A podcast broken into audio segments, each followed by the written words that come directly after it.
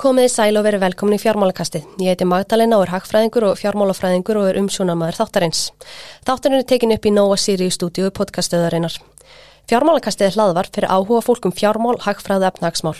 Þættinni kom út einu sinni viku inn á allar helstu hlaðarsvitur og inn á podcast.is. Í dag hef við fengið enga til minn hana Rósu Kristinsdóttur, meðstofnanda Fortuna Invest. Rósa er lögfræðingur og starfar sem yfirlögfræðingur og regluvörður hjá ACTA. Fortuna Invest er fræðslu vettfangur sem veitir aðgengilega fræðslum fjárfæstingar með það að auka fjölbreytileikan í þáttöku á fjármálamarkaði. Rósa, velkomin. Takk fyrir. Ég vil bara byrja að segja hvað mér finnst Fortuna Invest frábært og þart framtak. Ég held að flestir hlustnindi fjármálakassins hafi kannski heyrt á starfin ykkar en getur kannski svona útskýrt ykkar hlutverk og markmið í Fortuna Invest? Já, algjörlega. Ég kannski byrja bara að segja svona smá hvernig hugmyndin kviknaði. Já, algjörlega. En það var kannski síðasta vetur, þar sem að við, meðstofnundur Fortuna Invest, vorum á rosalega mikið af viðbörðum tengdum svolítið konum og fjárfestingum. Og þetta var svolítið svona viðbörð eftir viðbörð og það var alltaf bara mjög skemmtilegur og áhugaverðir. En það var alltaf svolítið sami hópurinn aðna og það voru allir sammála um það að konur þurft að taka meiri, meira plás þegar kemur fjárfestingum en samt var kannski ekki beint eitthvað aðgerar áallun eða eitthvað hvað væri hægt að gera eða eitthvað svoleiðis. Og eftir örgulega þriðja fundin um svipamálefni þar sem að einmitt það voru allir mjög sammála þá settust við svolítið niður og hugsaðum bara ok, hvað er unnverulega hægt að gera, hvað getur við gert til þess að reyna að bara hafa áhrif á þetta? Og úrvarð þess miðl uh, sem hefur svo heldur betur þróast hann svolítið komin út í það kannski að, að byrjaði svolítið á því bara að reyna að öfla fjölbrytta þáttöku á fjármálumarkaði þá bæði hvað var það aldur en líka kyn. Hann er svolítið að öfla þáttöku hvenna en svo einhvern veginn var þetta svolítið hrættu upp á sig og fengum bara mikinn fylgjendafjölda strax og þá að bara fólki af öllum aldri og öllum kynjum sem er bara ótrúlega skemmtilega óvænt þróun. Einmitt, þið hafa fengið gífulega góður viðtökur. Já. Erum með, held ég, hvað, 13.000 fylgjendur á Instagram? Ég held við séum að slá 13.500. Já. Næ, þetta er, þetta er hljótt að gerast. Algjörlega. Og við erum líka stoltar að því að þetta er svolítið svona, hvað, hvað má maður kalla þetta náttúrulega fylgjendur. Við höfum svolítið ekki farið þá leið að vera að kosta fæslur eða fara í mhm. leiki eða eitthvað slíkt. Heldur höfum við svolítið bara verið í þeirri trú að ef við höldum áfram og, og jaft og þjátt setjum inn áhugavert efni þá komi fólk til með að sjá virði í því að fylgja okkur og það virðist verið að takast þannig að við erum ánað með það. Einmitt, en eins og þú segir, hafið fengið goða viðtökur en hafið svona orðið fyrir einhverjum sem á útlæti? Já, uh, litlu, mest megnis bara allir mjög hérna, stiðja okkur mikið og eru ánað með framtækið en auðvitað er það alltaf þannig kannski að þegar maður gefur færi á sér um umræðu þá eru alltaf einhverjir sem eru ekki ánað með mann og það hefur þá kannski helst bara beinst að því að, að það geti ekki allir fjárfest og, og slíkt en þá reynum við kannski svolítið að benda á það að bara auki fjármálulegsi gegnast okkur öllum. Við þurfum öll að taka ákvarðanir um peninga og Einmitt. þannig að já, ég að vona það að það sé það sem við séum að gefa frá okkur. Einmitt og þið tilkynntu í síðustu viku að þið væru að gefa út bókum fjárfestingar og komst einmitt með eindag og ég var að glögga í þetta að lítur virkilega vel út þannig getur þú svona að spyrja að segja mér frá bókinni? Já, uh, algjörlega, kannski svona miðlinn okkur í grunninn sem er sagt, Instagram, hann er frábær miðill og kannski ástand fyrir valinu á honum var svolítið mikið það að við hugsaum hvernig við gætum nálgast fólk og þá sáum við svolítið fyrir okkur að með því að vera á Instagram þá væri fræðslan og, og hugtökinn og uh, peppið og allt þetta að koma til þín bara svolítið náttúrulega. Að þú væri bara að skrolla eins og við gerum öll svo mikið, að mörg okkur allavega mm -hmm. og þá svolítið bara blasir þetta við þér og þá kannski skilar það sér svolítið í því að þú ert líklegri til þess að aflæði frekari þekkingar eða spotta eitthvað ákveðna fjölmjöla umfjöllun eða ræða við vini eða eitthvað slíkt.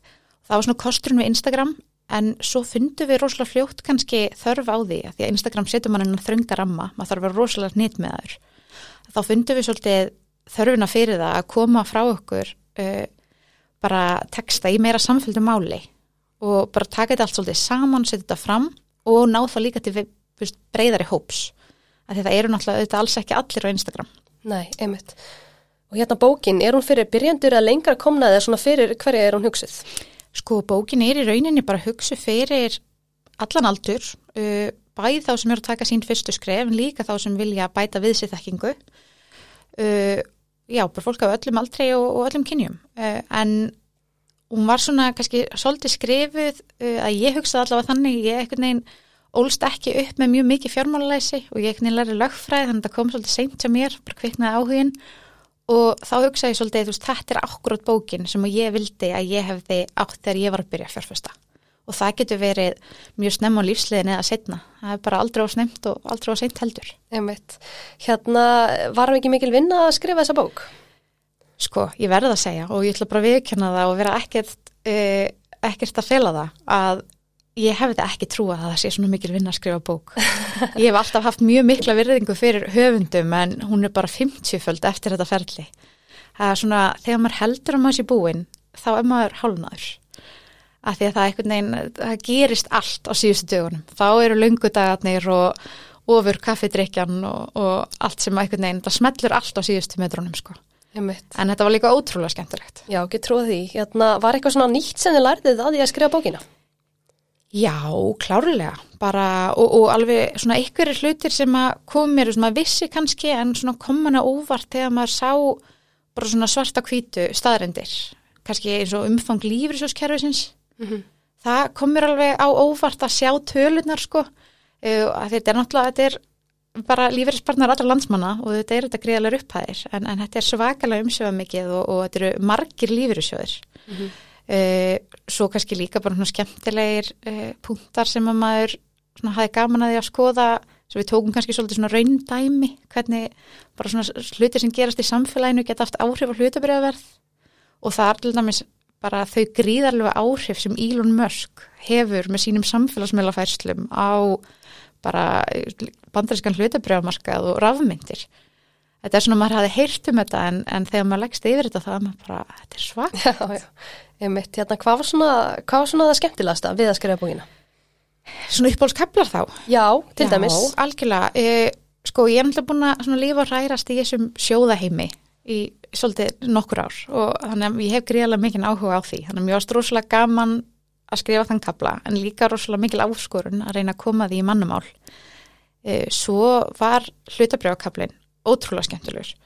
Það var veginn mjög svona gaman að taka hann saman, hann er mjög umfangsmikill, hann er búið að vera mikið að gerast með útbúðinn og, og þetta Uh, og hann er við svona komum svolítið inn á það tengdu það svolítið við samfélagi og svo kannski eitthvað sem okkur fannst líka mikilvægt að koma inn á og var líka mikil uh, og góðu kapli, það er uh, sérst, bara fjárfestingi fastegnum. Það er eitthvað sem á við um okkur öll hvort sem við erum að kaupa fyrstu íbúð ef við erum að stækka við okkur eða bara endur fjármagna lán og einhvern veginn held ég að það hafi allir mjög gott að því að kynna sér vel bara fastegnalán og fjármagnun fastegna Einmitt. Hérna nú finnst mér allavega eins og umræðinum fjárfestinga sér sífilt að aukast og svona yngra fólk svona fara að velta þessum hlutum fyrir sér í meiri mæli. Hver er svona þín upplifun? Hafið þið fundið fyrir auknum áhuga frá yngra fólki? Algjörlega, bara rosalega mikill áhugi og það er bara, og maður sér það líka bara á öllum samfélagsmiðlum, öllum grúpum inn á Facebook og öllu þessu, þetta er rosalega mikill áhugi um allt samfélagið. Og það er mitt, og líka sko mjög aukin áhugi hjá yngra fólki en ég held að það sé líka aukin áhugi hjá eldra fólki sem hefur ekki fjárfest áður. En það er vissulega bara mjög mikill áhugi á fólki sem er bara á mentaskóla og háskólaaldri, klárlega Einmitt. Hérna nú segja sumir að svona fólk sem kannski hefur ekki mikla þekking af fjárfestingum ætti að fjárfesta frekar í sjóðum heldur en einstökum hlutabriðum. Hver er svona ykkar sín á það?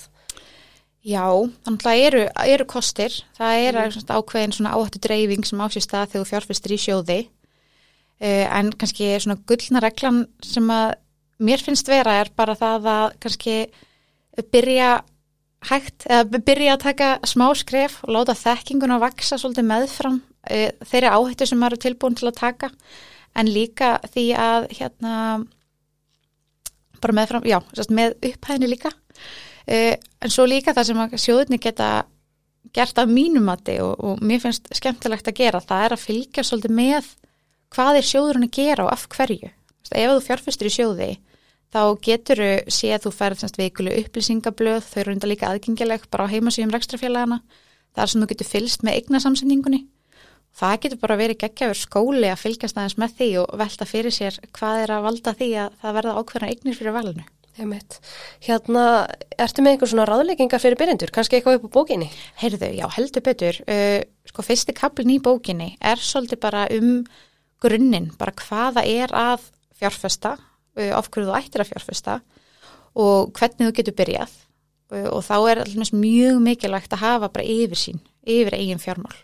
Ég held að það sé svolítið grundvöldurinn til að byrja með og sem er rosalega holdt fyrir okkur öll að taka kannski lítið aðeins í baksinu speilin og sjá hvers peningurinn okkar er að fara, skoða þá bæði sko innkomulegina en líka útgjöldin. Þannig að hérna sjá hvort það sé hægt að, að breyta eitthvað aðeins til eða, eða rýma fyrir e, í aðru konum leðnum og, og svo bara reyna svolítið að komast upp í rútínu. Ég held að það sé rosalega, rosalega mikilvægt. Einmitt. Hérna, eða þú fer kannski, ef við snúum okkur eftir bókinni, eða þú fer kannski yfir svona hvaða kaplar eru í bókinni? Herru já, við séum að byrjum á því að, eins og segi, fjalla svolítið um bara hvaða er að fjárfesta, förum yfir eh, okkurna sparnareglur eh, sem getur verið mjög gott að nýta sér þegar maður er að byrja. Eh, og bara svona ymsar hugleðingar og svo er bara líka tekin saman bara skref til þess að byrja fjárfesta.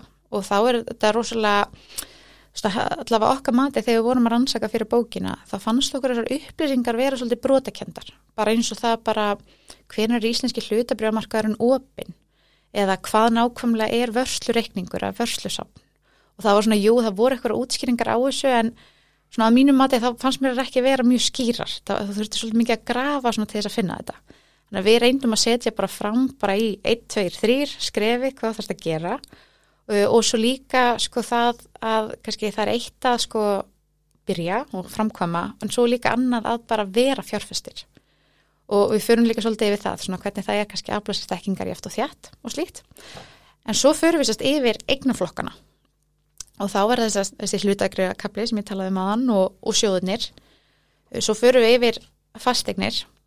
Og svo eru það skuldabrifin sem er kannski eignaflokkur sem að hefur fengið svona aðeins minnaplás allavega í ofnbyrju umræðu en er svona mikilvægur uh, klárlega að þekkja og skilja. Og það er til dæmis bara svona með skuldabrefin sem ég held að margir átti sig ekki á að þegar þú kaupir fastegn og tekur fastegnalán þá ert þú útgefandi skuldabrefs þannig að við kannski erum uh, flestir sem að, já, þeir sem hafa tekið fastegnalán eru allir útgefandi skuldabrefs sem er, sem er mjög áhugavert ja, mér finnst það allavega.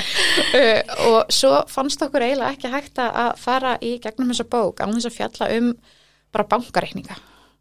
Við erum öll með bankareikninga en við veitum kannski ekki droslega mikið um þá. Uh, ég segi bara fyrir sjálfum mig að ég einhvern veginn er ekkert mjög langt en ég fór með svona gaggrinum hætti gegnum mínu bankareikninga og svolítið endur að þið og hvað væri raugriðt og hvað ekki. Og hérna þannig að bara það að fara yfir munin á verðtriðum og óverðtriðum, förstum og lausum uh, og, og bara hvar, hvernig raunvextir á bankareikningum virka. Uh, þannig að okkur fannst það svona nöðsynlegt uh, og svo eru það sem þetta rafmyndir sem að við höfum spurðar gríðarlega mikið úti og mjög margir eru, eru forvötnir um þannig að það er umfyllunum rafmyndir í bókinni og svo vildu við líka fara í gegnum lífyrirsjóskerfið og því að við erum öll fjárfestar í gegnum lífyrirsjóðun okkar. Greiðum í það frá því að við erum 16 ára þangar til við hættum að vinna.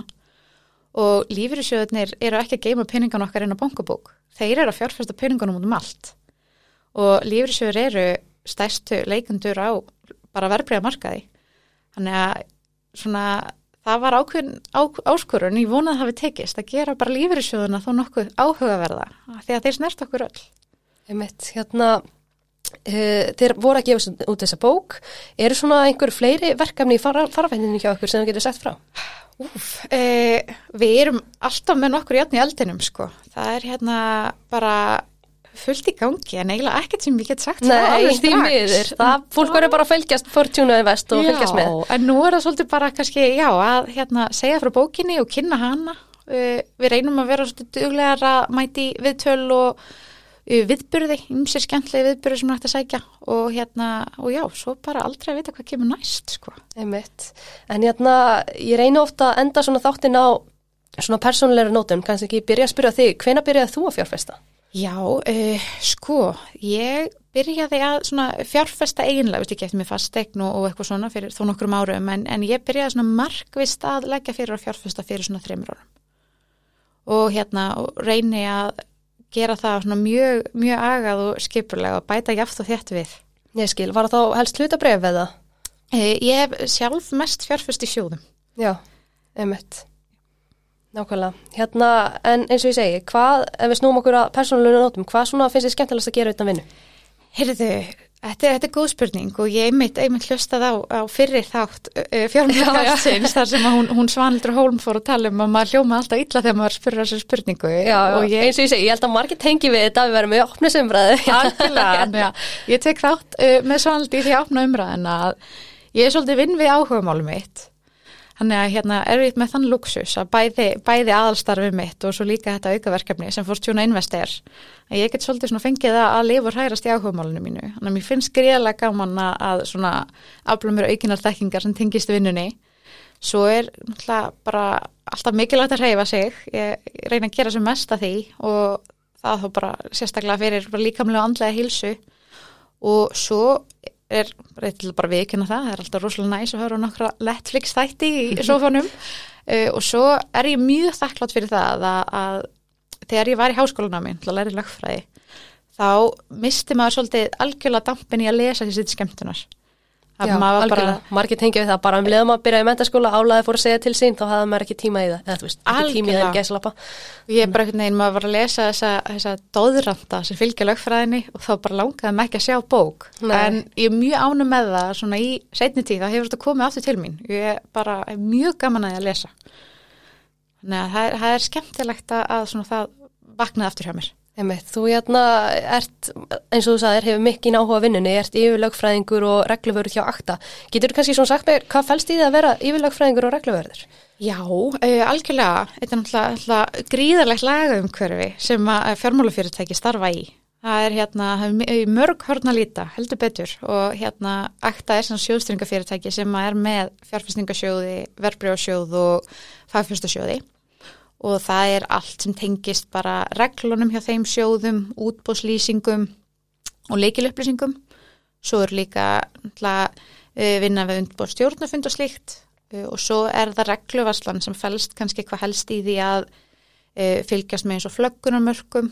Nú er ég alveg að missa fólk sko en, en hérna Nei, nei. uh, og, og, og skortstöðum og slíku uh, veita heimildir fyrir viðskiptum starfsmanna og fylgjast með öllum innri reglum félagsins, fylgjast með lagabreitingum og svo leis og, og svo bara almennt taka þátt í uppbyggingu félagsins. Akta er, er hérna uh, hvað maður að segja uh, stórt lítið félag, við erum hérna við erum bara nýju starfsmenn Já.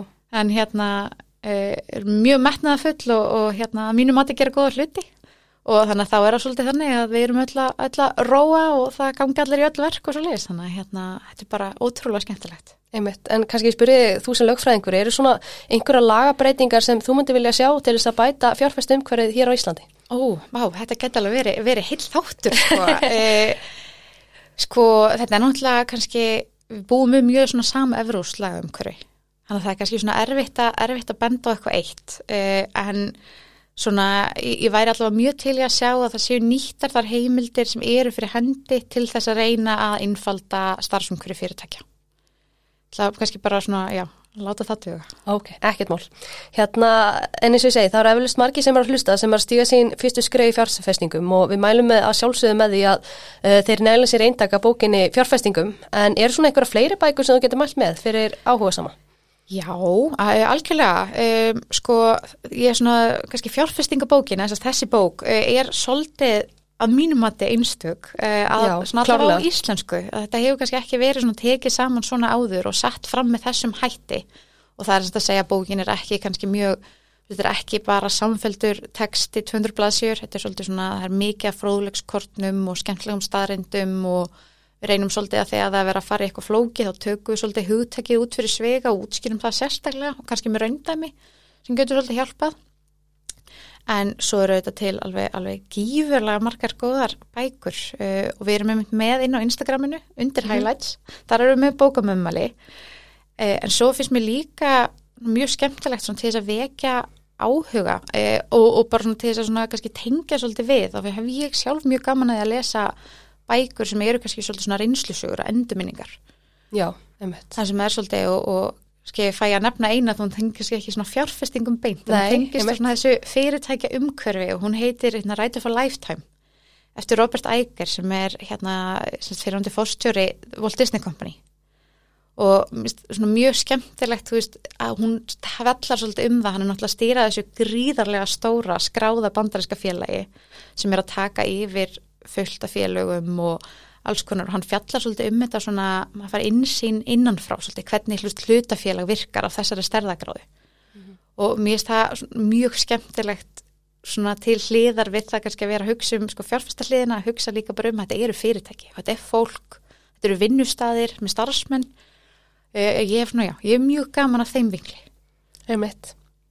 Hérna, en þú nefndir að þeir eru með eitthvað að bókum í highlights, getur kannski nefnt nokkur af þeim? Herðu, já, byrju nú ætla ég bara að, að hérna fletta upp uh, sko við erum með Intelligent Investor eftir Benjamin Graham sem er nú kannski bara svona, svona ákveðin klassík Já. uh, svo eru bara já, ég verður að verða að mæla með bara þessi kíkt í, kíkt í Já, já, highlights. klárlega, allir að fylgja Fortuna Invest, en Já. eins og ég segi, er svona eitthvað að lokum sem þú vilt koma á framfæri, eitthvað sem við náðum ekki að fara yfir? Já, heyrðu, uh, bara í rauninni að kannski hvetja fólk til þess að náttúrulega kumbókina og fylgja klárlega. Fortuna Invest á Instagram. En, en líka bara að svona hvetja sem flesta, ég held að það sé oft og það virðist vera sem að veist, fólk er í miserfitt með veginn að horfa á sjálft sig sem fjárfesta. En það er, eins og segi, við erum nú í gegnum lífyrsjóðuna Uh, við getum öll tekið þátt. Það þarf ekki að eiga gríðarlega fjármunni til að byrja. Maður getur skráð sér áskrift á sjóð fyrir 5.000 krónur. Það eru komin svona ímis líka upp í símana þar sem maður getur bara fyrir örfa og dólar að byrja aðeins að, að þreyfa fyrir sér. Og uh, það er svolítið bara svona það verður alveg að gagnast mjög mjög vel að byrja bara mjög lítið, bara með mjög litlar fjárhæðir og svolítið svona læra á því að framkoma ég, ég mælu með því, en auðvitað, auðvitað passa sig líka að fara ekki á gist. Nákvæmlega, nákvæmlega, frábæð lókvörð. Rósa, þakka kærlega fyrir komina. Fjármálakasti verður ekki lengri í dag en vil þakka ykkur kærlega fyrir hlustununa og vil minna ykkur að fylgja fjármálakastinu á Facebook og Instagram en þar koma allar upplýsingar um nýjustu þættina. Verið sæl.